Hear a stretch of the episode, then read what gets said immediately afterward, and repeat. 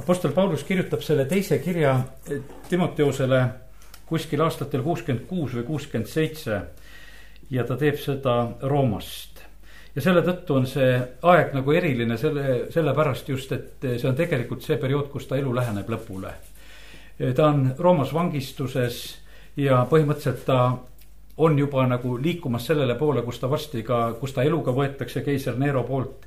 ja sellepärast, kui seda kirja nagu lugeda nagu sellise eh, arusaamise ja mõttega, et see on tegelikult nagu selline nagu kokkuvõte, see on hüvastijätt ja, ja selles on eh, usku selles on lootust, selles on kõike tegelikult, aga et kui me mõistame seda, et, et ta on juba nagu oma elu lõpetamas ja ega siis selles kirjas ta enam ei tee selliseid tühje sõnu, ta ütleb neid, mis on oluline ja tähtis ja sellepärast kindlasti see eh, teine kiri Timoteusele omab ka selle tõttu just sellist suurt ja eh, olulist kaalu. ja teeme nõnda, et hakkame seda siit kirja algusest nagu lugema. kiri algab nõnda, Paulus Kristuse Jeesuse apostel Jumala tahtmisel selle elu tõotust mööda, mis on Kristuses Jeesuses. kui nüüd seda kirja lugeda nagu selle mõttega, et ta teab, et ta tegelikult nagu maine elu on lõppemas. sellepärast, et hukkamise aeg seisab varsti-varsti ees, siis äh, pane tähele, et ta räägib sellest, sellest elust, mis on Kristuses Jeesuses see on talle siis niivõrd oluline ja tähtis, sellepärast et maineelu saab otsa.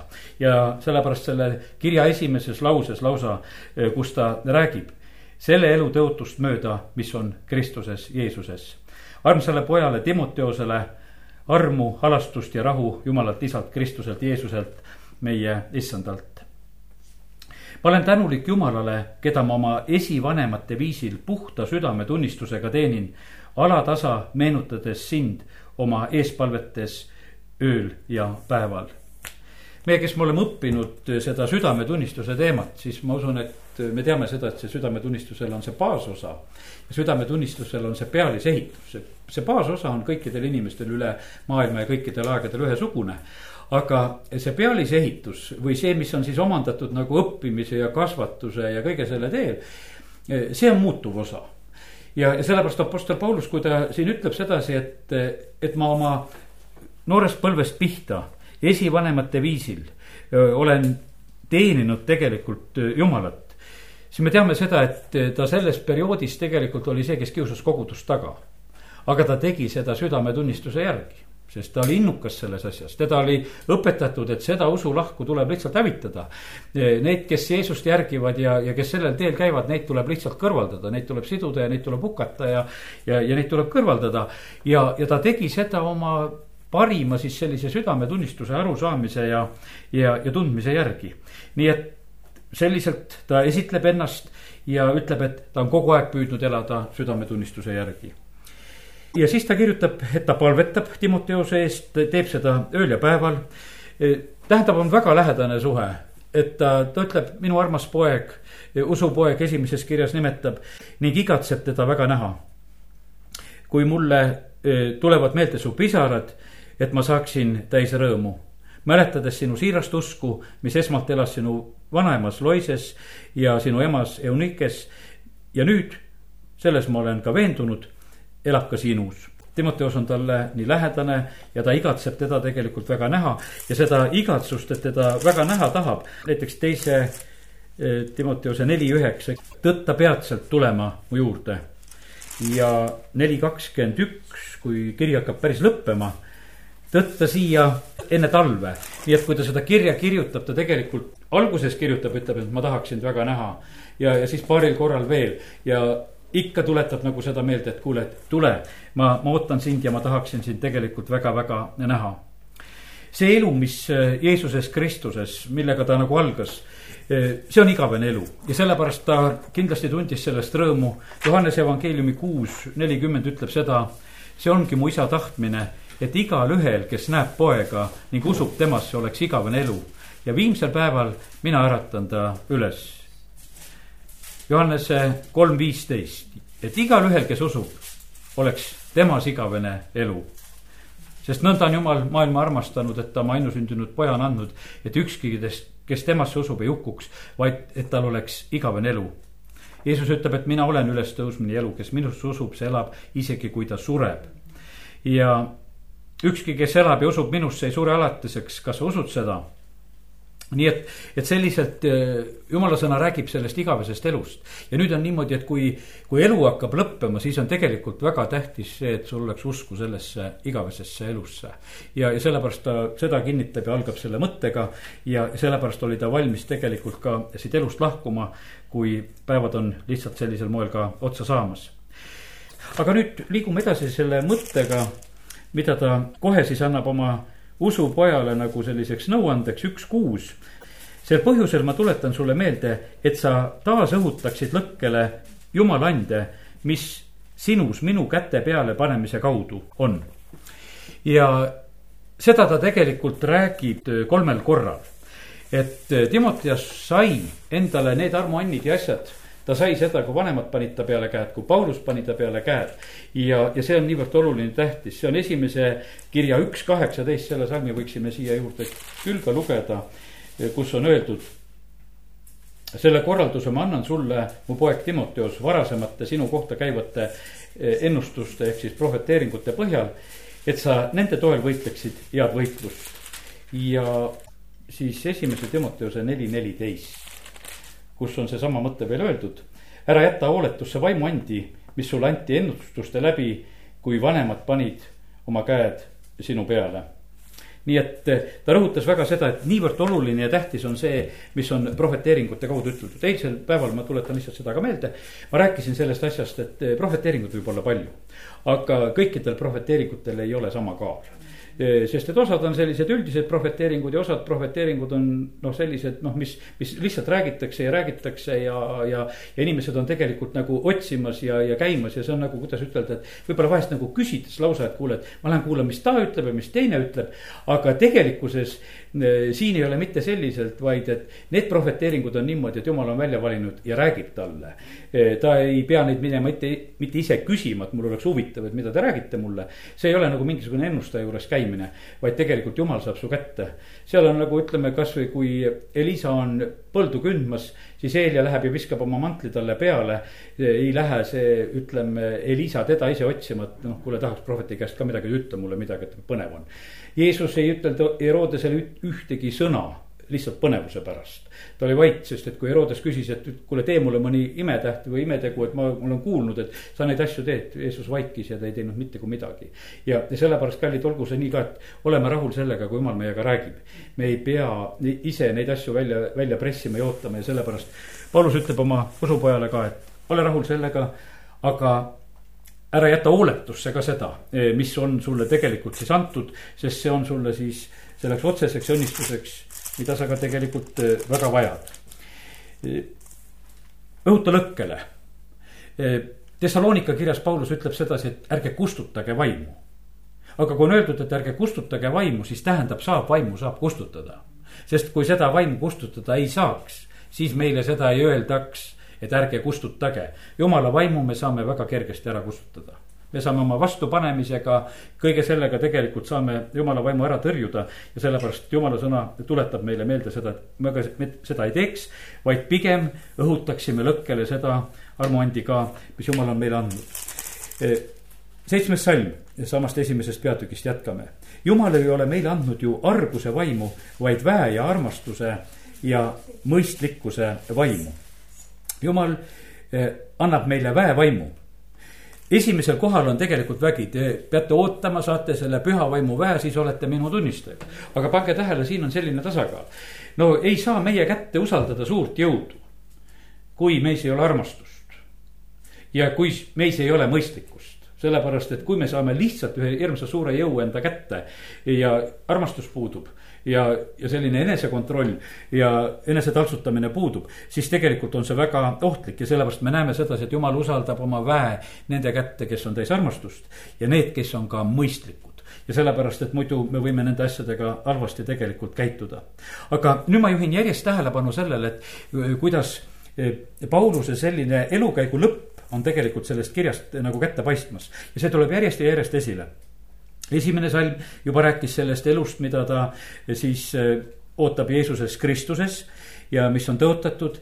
kaheksas salm, ära siis häbene tunnistamast meie issandat ega mind, tema vangi, vaid kannata koos minuga kurja evangeeliumi pärast Jumala väe abil ja ta ütleb, et ära häbene mind, et ma olen vang. sest tegelikult sellest kirjast tuleb välja seda, et, et väga paljud tegelikult sellel perioodil hülgasid teda sellepärast, et äh, Paulus on nagu vangistatud ja, ja, ja siis on nagu hoopis niisugune teistsugune olukord ja nad ei oska võib-olla nagu suhelda ja olla, sellepärast et mingisugune äh, noh, ütleme selline uus olukord, mis võib tulla, äh, vahest häirib, vahest on niimoodi, et inimene jääb haigeks, teised kardavad suhelda. et noh, et kuule, on haige, tead, et on nüüd nii haige, et me ei julge nagu ligigi minna, toimub selline eemale tõmbamine. ja nüüd on praegusel hetkel võib-olla selline küsimus, aga no mis jumala mees sa selline siis oled, et nüüd sa oled vangi pandud, et vaata et eh, Peetrus ikkagi tead, kogudus palvetas ja, ja tuli välja ja tuli ukse taha koputama ja, aga miks, miks sina oled nagu sellises olukorras ja.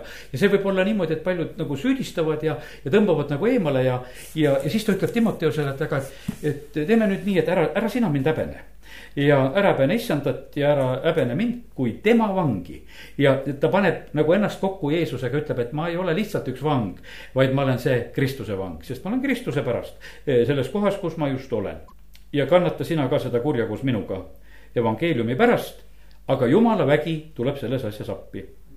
kes on meid päästnud ja kutsunud püha kutsega, mitte meie tegude järgi vaid oma enesekavatsuse ja armu järgi, mis meile on antud Kristuses Jeesuses enne igavesi aegu.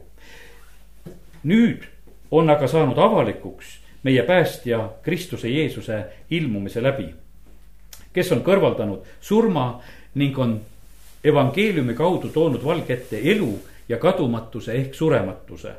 ja siin on räägitud sellest, et, et meie kohta on plaanid tehtud enne igavesi aegu kui palju meid huvitab võib-olla see, eh, see minevik.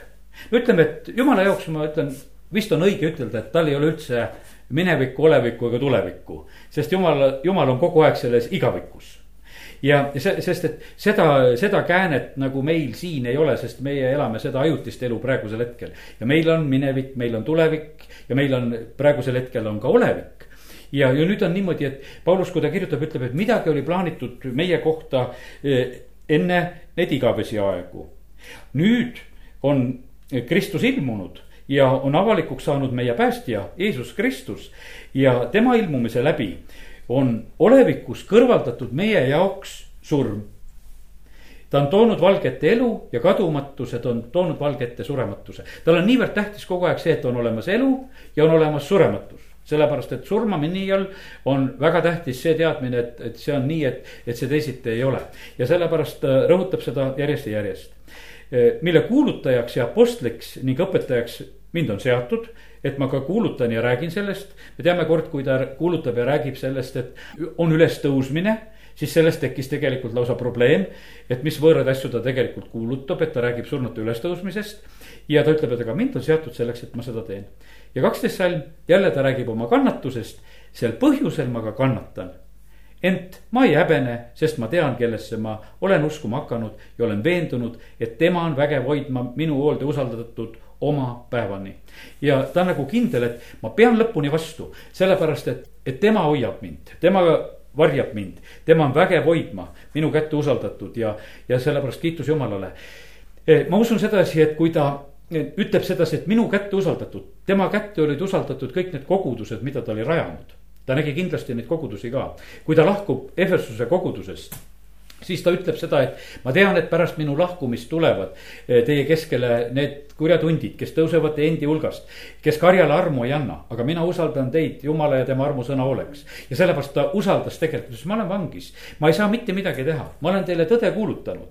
ja, ja kui teile kuulutatakse ka valesid asju ja kui tulevad need, kes tulevad tegelikult karja laiali ajama ja kiskuma. aga mina usaldan, et tegelikult, et see, kes, kes hoiab mind, on vägev hoidma ka minu hoolde usaldatud oma päevani ja sellepärast Paulus, ma usun, nagu nägi sedasi, et, et kaitse ja varju all on tegelikult ka need, kes on jäänud nagu ustavaks ka talle ja, ja see kaitse ja vari on ka nende üle võimsalt tegelikult olemas. nii et kiitus Jumalale selle eest, et, et äh, sellised mõtted me võime siit praegusel hetkel ka näha. siis ta seab ennast eeskujuks, kolmteist salm. võta terve õpetuse eeskujuks see, mida sa minult oled kuulnud usus ja armastuses, mis on Kristuses Jeesuses. seda head, mis su hoolde on usaldatud, hoia püha vaimu abil, kes meis elab. sa tead seda, et mulle on pööranud selja kõik, kes on Aasias. see on väga valus ütlemine, et ta kogeb sedasi, et tema kaaslased on tegelikult tast eemaldunud. Nende seas ka Vügelius ja Hermogenes, paar on siin nimepidi öeldud, kes on eemaldunud. Vügelus oli temaga tegelikult Rooma perioodil, lihtsalt ütlen selle siia juurde ja, ja siis ütleme rohkem nendest eemaldujatest ta ei räägi, siis ta nimetab eh, järgmises salmis, et issand, andku halastust Onesiforese kodule, sest tema on mind sagedasti kosutanud ega ole häbenenud mu ahelaid. Ja ta toob selle välja, ütleb, et on keegi, on see perekond, see kodu, kus tegelikult mind on sageli tegelikult aidatud. ja, ja kui nendel oli juhust Rooma tulla, eh, siis nad otsisid suure hoolega mind ja nad leidsid ülesse, nii et, et ta tegelikult toob selle välja, ütleb, et ei olnud mitte mingisugust häbenemist, vaid tuldi vangi külastama ja, ja otsiti ülesse. issand, andku talle leida halastust issanda käest oma päeval ja kui palju ta on abistanud mind Ehvesuses, tead sina kõige paremini. ja sellepärast Apostel Paulusel olid need inimesed, kes teda abistasid, ta ei saanud ka ise mitte üksinda hakkama Jeesus ei saanud ka üksinda hakkama. Eh, tal olid need naised, kes abistasid ja neid inimesi olid ta ümber, kes tegelikult olid valmis abistama ka Jeesust. olid need inimesed, kes olid valmis abistama Paulust ja, ja põhimõtteliselt on see nii, et iga jumala sulane, kes on ka praegusel hetkel tegutsemas, nad kõik tegelikult vajavad abi. ja iga selline abistamine ja asi on tegelikult teretulnud, sest see teeb tegelikult jumala riiki tugevamaks. ma ise olen nagu eh, noh, ütleme kogenud seda, et, et on olnud eh, see periood näiteks mu koguduse töös, kus ma tegin täpselt nii palju, kui minu pere suutis. et see oli mingil määral finantsidega, see oli mingil määral lihtsalt selle füüsilise jõuga. et ma sain nagu paljud asjad nagu rehkendada nagu sellega, et kui palju ka mina saan oma perega hakkama. ja noh, ütleme tänu jumalale füüsilist jõudu seal oli, kui neli poega oli kasvamas.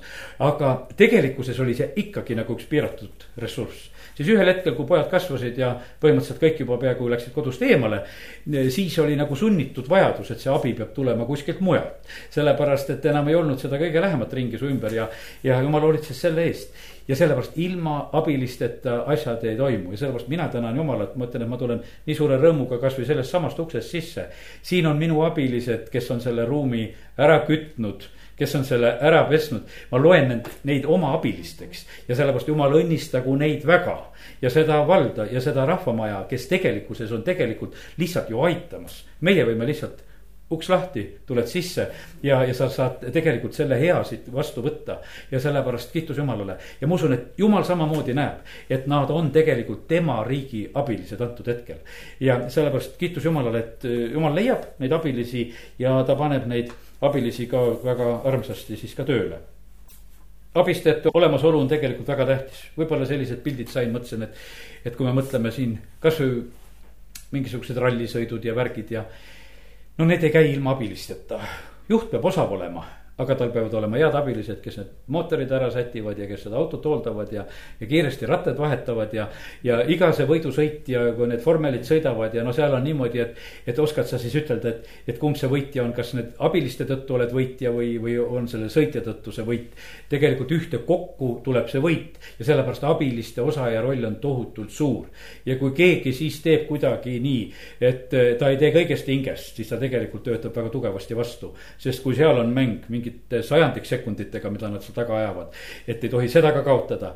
ja, ja sellepärast abiliste roll on tegelikult jumala riigis samamoodi eh, väga, väga oluline ja tähtis. aga lähme edasi, teises peatükis, eh, sina mu poeg, sa vägevaks armus, mis on Kristuses Jeesuses ja mida sa minult oled kuulnud paljude tunnistajate kuuldes, see anna ustavate inimeste hoolde, kes edaspidi sobivad õpetama ka teisi vägevaks soovitab tal saada selles armus, mis on issandas ja ütleb, et sul on vaja tegelikult neid abilisi, kes on ustavad. ei ole mõtet anda ja jagada ülesandeid ja isegi need sõnumite edasiandmist nendele, kes ei ole tegelikult ustavad. ja ütleb, et otsi neid, kes võiksid olla need ustavad, kelle hoolde sa saad usaldada, kes on ka sobivad õpetama ka teisi. ja see, sellepärast mina samamoodi nagu näen, et, et see on niivõrd tähtis, et, et ma pean ikkagi nagu kontrollima ja vaatama sedasi, et, et see töö, mida me jumala riigis teeme, et kas need abilised on, kas need on sobilikud, kas nad on ülistuses sobilikud, kas nad on, kas nad on sõna jagamises sobilikud. ja, ja see, see ei ole lihtsalt, et noh, et ükstapuha, millisel moel neid asju lihtsalt ära, ära lahendada, vaid e, jumala riigis peavad olema ka need inimesed, kes kaasa töötavad selle sobivusega, sest et see on kõige kõrgema riik ja, ja seal on väga kõrged ka nõudmised. edasi ta toob e, kolm sellist pilti. esimene pilt on sõdurist. sõdur on selline, kes on sõjateenistuses, aga loeme need salmid kolm-neli. kannata koos minuga kurja nagu Kristuse Jeesuse tubli sõdur. ükski, kes on sõjateenistuses, ei seo enda argielu askeldustega, kui ta tahab jääda meelepäraseks sellele, kes ta on sõduriks kutsunud hiljuti siin kuulsin seda, et Eesti sõjavägi praegusel hetkel, kaitsevägi, kui poisid lähevad, siis nendele antakse nimekiri kätte, et mida te peate kodust kaasa ostma ja võtma, et. Nõukogude armeesse läksime küll niimoodi, et sealt saadeti kõik need vanad riided veel koju tagasi. mitte midagi tegelikult ei pidanud jääma enda oma, kõik tuli tegelikult ikkagi sõjaväe oma sulle ja eks see piibli põhimõte põhimõtteliselt on ja ma leian sedasi, et eks siis Eesti riigis see koht praegusel hetkel lonkab. sellepärast, et kui sa omal kulul pead minema ja mõned asjad nagu kaasa ostma, siis mis, mis sõjateenistusse kutsumine see siis on. aga noh, ütleme, et ju siis juhid on praegusel hetkel nii kitsa koha peal, et nad teisiti ei oska käituda. aga siin on räägitud sellest jumala sõdurist ja on öeldud sedasi, et, et ole see Jeesuse Kristuse tubli sõdur ja, ja kui sa oled tulnud tema teenistusse, siis tegelikult tema hoolitseb su eest. ja, ja tema, tema katab kulud, tema katab asjad ja see, ja sellepärast on see nii, et kui sa oled tegelikult eh, selle õige koha peale sattunud, kulusid ei kaheta, kui sa veel mängid sõdurit kui sa ütleme, teed endale ise seal sellest puust mõõga ja kilbi ja ütled, et mina ka sõdur, siis su kulusid veel ei kaeta. Aga kui sa oled päris eh, sõjateenistusse kutsutud kui sa oled võetud, siis su kulusid kaetakse, siis on sul toit, siis on sul magamine, siis on sul tegelikult see kõik, mis on tegelikult eh, ühele sõdurile kuulumas. ja, ja sellepärast me ei tohi ka segi ajada, et, et eh, vahest on see nii, et võib-olla me püüame nagu enne õiget kutsumist mängida sõdurit ja mõtleme, et miks meil siis seda varustust veel ei ole, kõike. aga seda veel ei peagi olema, kui tuleb see õige aeg, kui kutsutakse, siis on kõik. ja siis on nii, et siis peavad ära kukkuma need igasugused muud argielu askeldused ja mured. et, et sa saad tegelikult ennast täiesti ka pühendada, et sul mitte miski muu asi ei oleks nagu häirimas ja segamas. ja sellepärast ütleme, see äh, nõukogudeaegne sõjaväes käimine, kui tõmmati ikkagi tuhande ja, ja kahe tuhande kilomeetri kaugusele ja veelgi kaugemale need poisid kodudest, siis kodu ei seganud absoluutselt. sellepärast, et kõik see jäi nii kaugele, võib-olla kord või paar võib-olla kellelgi käidi külas ja kellel väga hästi läks, sai võib-olla korra käia puhkusel. ja ainukene segav asjaolu võis olla, et kirjad tulid veel ja, ja ise pidid kirja kirjutama, aga rohkem tegelikult ütleme selle, selle kodukeskkonnaga absoluutselt pistmist ei olnud. ja sa said täielikult tegelikult olla selle teenistuses, kuhu sind oli kutsutud ja tegemas seda, mida siis parasjagu seal tarvis ja vaja oli. nii et see selline sõduripilt järgmine pilt ta toob edasi, ütleb, et sportlase pilt viies salm, kui keegi võistleb, ei saa ta ometi võidupärga, kui ta ei võistle korra kohaselt. ja sellepärast äh, igal spordivõistlusel, igal, igal spordialal on oma reeglid. ja, ja sellepärast ütleb samamoodi ka, et kord peab olema ka, kui me jumala riigis tegutseme. ja ka, kui me jumala riigis oleme seda võidujooksu jooksmas, siis ka siin ei saa me tegelikult eirata reegleid. ja, ja sellepärast ütleb, et äh, ka see on oluline, tähtis. ja ükski pilt ei äh, kata nagu lõpuni, ei sõdur ei sportlane ja siis ta ütleb, et aga töötüdruk põllumees peab esimesena saama osa viljast. ja, ja siin ta räägib sellest, et ka jumala riigi tööline, sest et see on isiklik kiri. ma tuletan jälle nagu korraks vahepeal meelde, et see kiri on kirjutatud Timoteosele ta õpetab oma poega, kuidas tuleb elada, ta ütleb, et sa pead olema nagu sõdur, sa pead olema nagu sportlane ja sa pead olema nagu see töötrügav põllumees aga sa pead ka arvestama sellega, et kui sa põldu pead, siis sa oled esimene, kes sa pead ka sellest viljast osa saama. et sul peab olema see, see palk, see tasu peab olema ja, ja siis ta ütleb kokkuvõtvalt, mõtle sellele, mis ma ütlen, küll issand annab sulle arusaamist kõiges. et mõtle need kolm näidet ka läbi, mida siin praegusel hetkel ka minu käest kuulsid. nüüd on selline lühikene evangeeliumi kokkuvõte. olgu sul meeles Jeesus Kristus, kes on üles äratatud surnuist, kes põlvneb Taaveti soost see on evangeelium. ja mis on see evangeelium, mida meie kuulutame, millest meie rääkima hakkame? no mõtleme, et evangeeliumi all on võib-olla väga tore inimestele rääkida seda, et Jeesus teeb terveks ja. ja noh, ütleme teatud asju nagu noh, võtta kätte, mis on võib-olla, võib-olla nagu leiad, et inimese nagu vajadus ja, ja, ja sa hakkad nagu sellest nurgast nagu pihta. aga me näeme sedasi, et, et Paulus, kui ta praegusel hetkel teeb ühe nihukese lühikese kokkuvõtte evangeeliumi koha pealt, siis ta ütleb, et, et olgu sul meeles, Jeesus Kristus on üles äratatud surnuist et seda on väga tähtis kuulutada, et sa kuulutad seda, et Jeesus on surnust üles tõusnud, see on esimene sajand. Jeesus on sellel sajandil tapetud, hukatud ja, ja selle tõttu eh, ta tuletab täpselt seda just ka meelde, ütleb, et nii see on ja, ja väga oluline asi, ta ütleb, et ta põlvneb Taaveti soost. no need olid nüüd ütleme sellised väga olulised asjad, kellele need olid eriti olulised asjad, olid need just juutidele. et eh, see on öeldud kindla peale, et see Jeesus on üles tõus-, tõusnud ja põhimõtteliselt on tegu seal messiaga ja, ja, ja ta ütleb, et ja selle evangeeliumi pärast eh, ma kannatan kurja. olen koguni ahelates nagu mõni roimar, kuid jumala sõna ei ole ahelais. ja ta ütleb, et selle evangeeliumi pärast on ta ahelais ja see on põhimõtteliselt on see need, need asjad eh, tegelikkuses, kus on räägitud sellest, et Jeesus on siis surnud ja Jeesus on Taaveti soost, seda ta on kuulutanud ja ta ütleb, sellepärast nii on. Seetõttu ma talun kõike äravalitute pärast, et ka nemad saaksid päästa Kristuses Jeesuses igavese kirkusega. Kes need äravalitud olid, võib-olla tuleb meil esimeseks tuleb meelde, et need äravalitud olid võib-olla need juudid, eh, kellest, eh, kellest võib see jutt olla.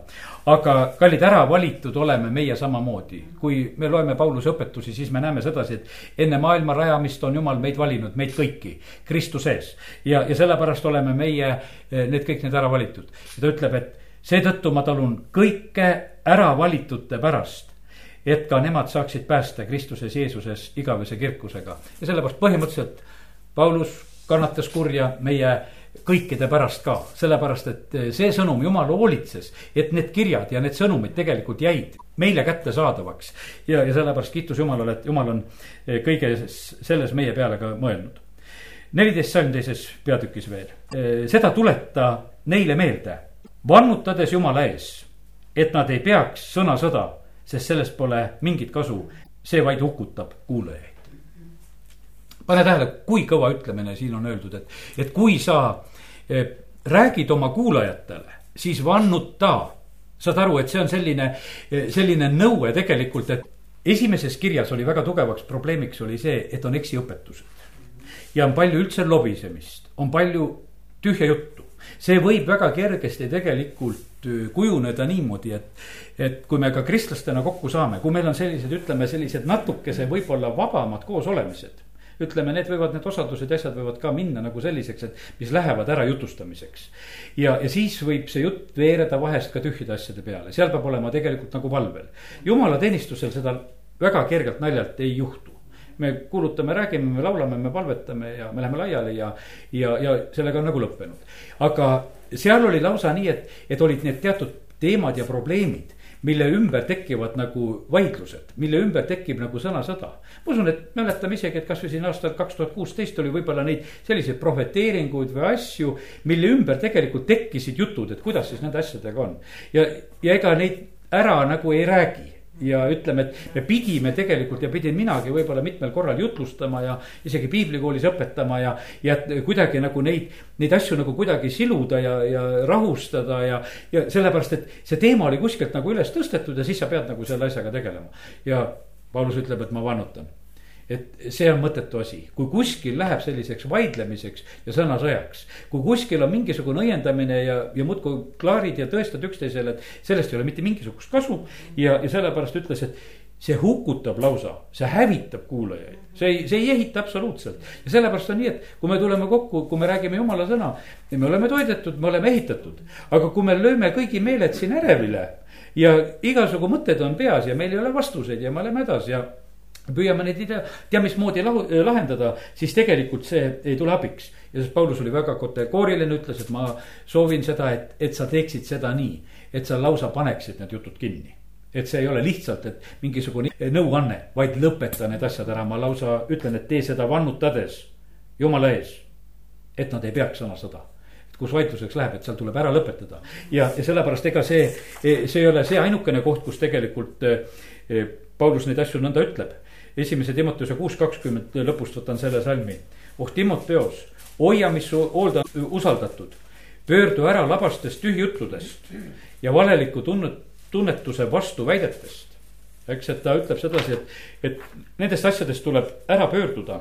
Tiituse kolmkümme, eksiõpetusega inimesest pöördu pärast ühe või kahekordset noomimist ära see ei ole lihtsalt, et, et sa võid nagu seda noh, igavesti tegema jääda, vaid et, et kui sa ka püüad korrale kutsuda, kes on eksitusse sattunud, siis me ei pea sinna igavesti jääma. üks-kaks korda ja võid lõpetada.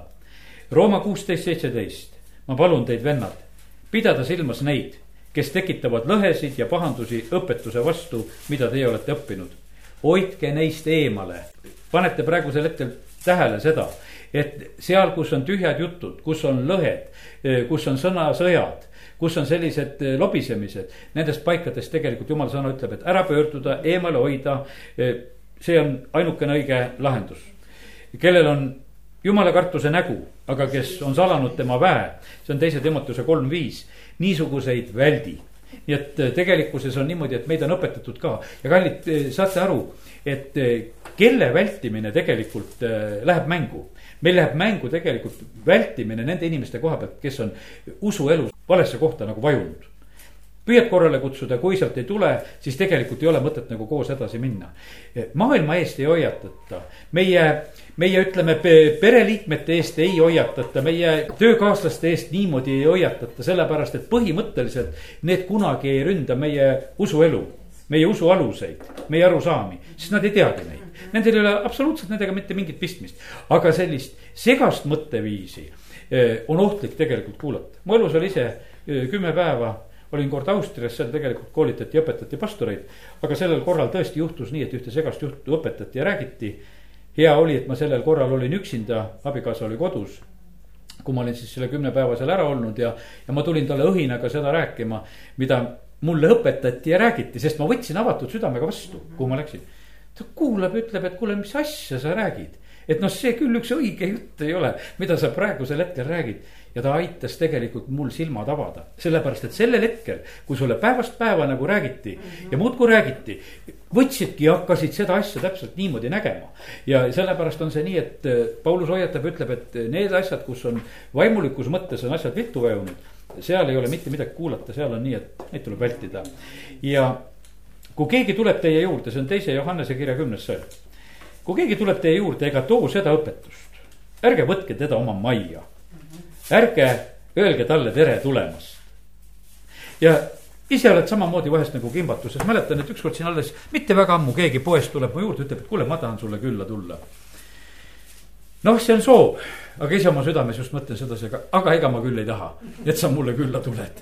sellepärast, et ma tean, et sul on nii palju selliseid nii teistmoodi viltu vajunud asju, milles sa elad ja oled. no millest meil seal rääkida on? Et kuhu me sellega jõuame, sellepärast et ei oska ma, ei oska ma seda absoluutselt tahta. ja, ja sellepärast on nii, et kiitus Jumalale, et Jumala sõna eh, julgustab meid nendes asjades, et me ei pea igal pool olema. ja eh, pastor Šapovalov tõi oma elust näite, ütles, ta on pulmalaudadest üles tõusnud. ütles, et vaatab, kui jutt läheb tühiseks, kui hakatakse teisi taga rääkima, ütleb naisele, kuule, lähme siit minema Lähme siit ära, me ei jää siin sööma ja kuulama seda, mida siin praegusel hetkel räägitakse, me ei pea selles keskkonnas olema. mõelgu mis tahes, aga meie praegusel hetkel hoiame oma kõrvu ja läheme oma teed. ja sellepärast hoia, hoia ennast ja sellepärast see on väga selge tugev hoiatus, mida Paulus ka siin Timoteosele andis. nüüd äh, vaatame siin salmides viisteist kuni kaheksateist, mis siin on öeldud. püüa hoolega osutuda Jumala ees kõlblikuks töötegijana kellel pole tarvis häbeneda, kes tõesõna kuulutab õigesti. ja siin needsamad hoiatused, labastest tühjututest hoia eemale. Nende rääkijad lähevad ju aina kaugemale jumala kartmatuses ja nende sõna levib otse kui vähktõbi. Nende seas on ka Hümenaios ja Vileetos, kes on kaldunud kõrvale tõest, öeldes, et ülestõusmine on juba toimunud ning rikuvad ära mõnede usu. ometi püsib kindlana jumala seatud aluskivi millel on see pitser, issand tunneb omi. ja ülekohtust taganegu igaüks, kes nimetab issanda nime. nii et eh, siin veel kord seesama mõte ja hoiatus, et eh, nendest tuleb eralduda, kes valede asjadega eh, tegelevad. kakskümmend räägib sealt edasi nendest astjatest, millest ka eilsel päeval rääkisin, ei hakka neid kordama. ja, aga loen siit veel ka, salm kakskümmend kolm ka loen siia juurde aga sõgedad ja kasvatamatud arutlemised lükka tagasi, teades, et need tekitavad tülisid. ja eh, põhiline võib-olla selline eh, probleem, eh, mille koha pealt siis ütleme nendes kirjades Paulus hoiatab Timoteost ongi, need on sellised jutulaadsed asjad, õpetuste laadsed asjad. ja ta oma noort usupoega hoiatab ja ütleb, et vaata, et sa nendes asjades tegelikult ei eksiks. ja tema ei pea tülitsema ta peab olema lahke kõikide vastu, osav õpetama, valmis kannatama kurja. ja, ja püüdma ka neid, kes on siis kuradi paltesse sattunud, et neid sealt ka kuidagi päästa, kui see võimalik on. nii et sellised soovitused on. üks salm, millele juhin praegusel hetkel kohe tähelepanu, on selline. neli, kaks kuuluta sõna ja astu esile, olgu aeg paras või ärgu olgu. noomi manitse julgusta igati pika meelega ja õpetamisega. eile õhtul õpetasin seda, et Apostel Paulus ja Timoteos olid väga jumala vaimust juhitud, kas tohtis Aasiasse minna või ei tohtinud Aasiasse minna, kuhu tohtis minna, kuhu ei tohtinud minna. ja siis ma täna, kui ma lugesin eh, seda salmi, mõtlesin, et jumal, et minu jaoks on siin nagu vastuolu. et nüüd kuuluta sõna, astu esile, olgu paras aeg, värgu olgu, noomi manitse eh,, julgusta igati pika meelega ja noh, et umbes, et tee seda nagu kogu aeg, on on hea aeg või ei ole hea aeg ja, ja muudkui tee. mõtlesin, jumal, ma tahan vastust saada ja sain vastuse. vastus on, teate mis, vastus on see, see hea aeg või mitte hea aeg on tegelikult, mis puudutab ainult mind. võib-olla jumal käsib mind, mine öösel ja see ei ole mulle hea aeg ja siis ütleb mine. aga see koht on ikkagi see jumala poolt, kuhu minna. ja nii, et see paras aeg või, või mitte paras aeg, see ei puuduta absoluutselt jumalat, jumal määrab koha, määrab aja aga minul võib olla see isiklik pretensioon, et no nüüd oli sobiv aeg, et jumal, sa hakkasid hommikul õigel ajal pihta, kui mina ärkan. aga kui sa teed seda niimoodi, et ajad mind öösel ülesse, siis see mulle ei meeldi. sellepärast, et jumal, see on vale aeg, ma tahan magada praegusel hetkel. aga jumal ütleb, et olgu siis nii, et kui sul ei, ole see päris hea aeg, aga sa mine ikkagi.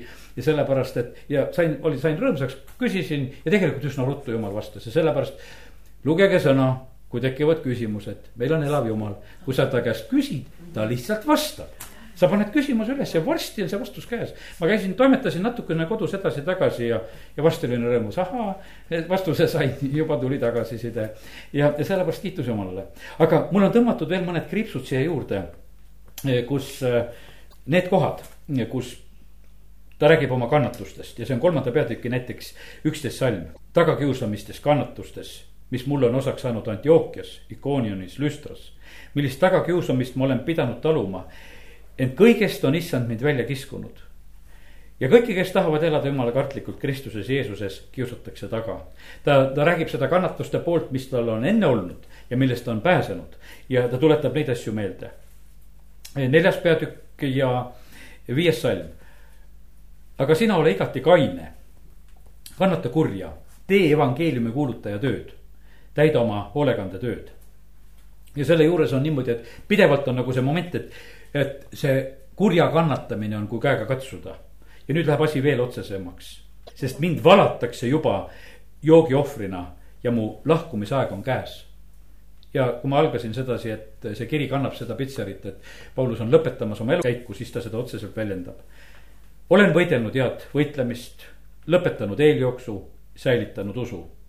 nüüd on mulle valmis pandud õiguse pärg, mille issand õiglane kohtunik oma päeval mulle annab aga mitte üksnes mulle, vaid kõikidele, kes igatsevad tema ilmumist. nii et väga otseselt ta räägib sedasi, et minu töö saab läbi, varsti see lõpeb.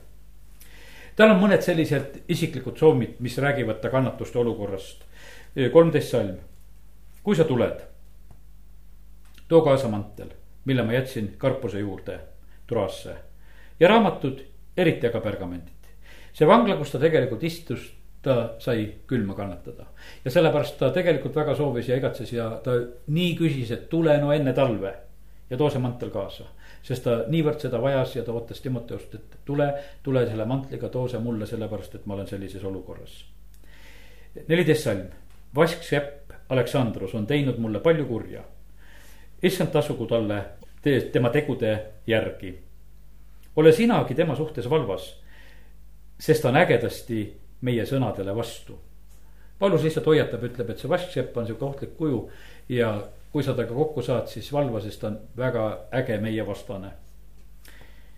kui ma esimest korda kohtus enese eest kostsin, siis ei seisnud keegi mu kõrval, vaid kõik jätsid mu maha. ärgu pandagu seda neile süüks. aga issand seisis minu kõrval ja tegi mu vägevaks. Et sõna kuulutamine minu läbi saaks täielikult teoks ja kõik rahvad seda kuuleksid. nii olen ma välja kistud lõvi suust. küll issand kisub mu välja igast kurjast teost ja viib mu varjule oma taevasesesse kuningriiki. tema päralt olgu kirkus igavesest ajast igavesti, aamen.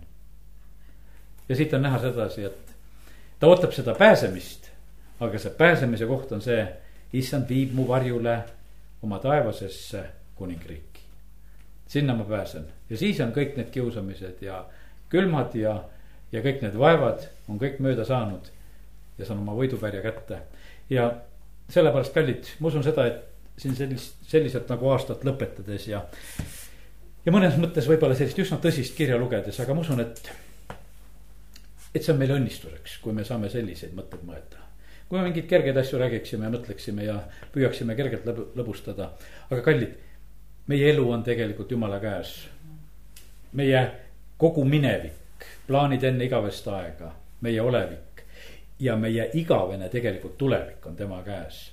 ja sellepärast olla selle issanda oma, omada seda issandat, eh, see on hoopis eh, teistsugune lugu, selle, selle tõttu muutuvad kõik muud asjad palju vähem tähtsamaks.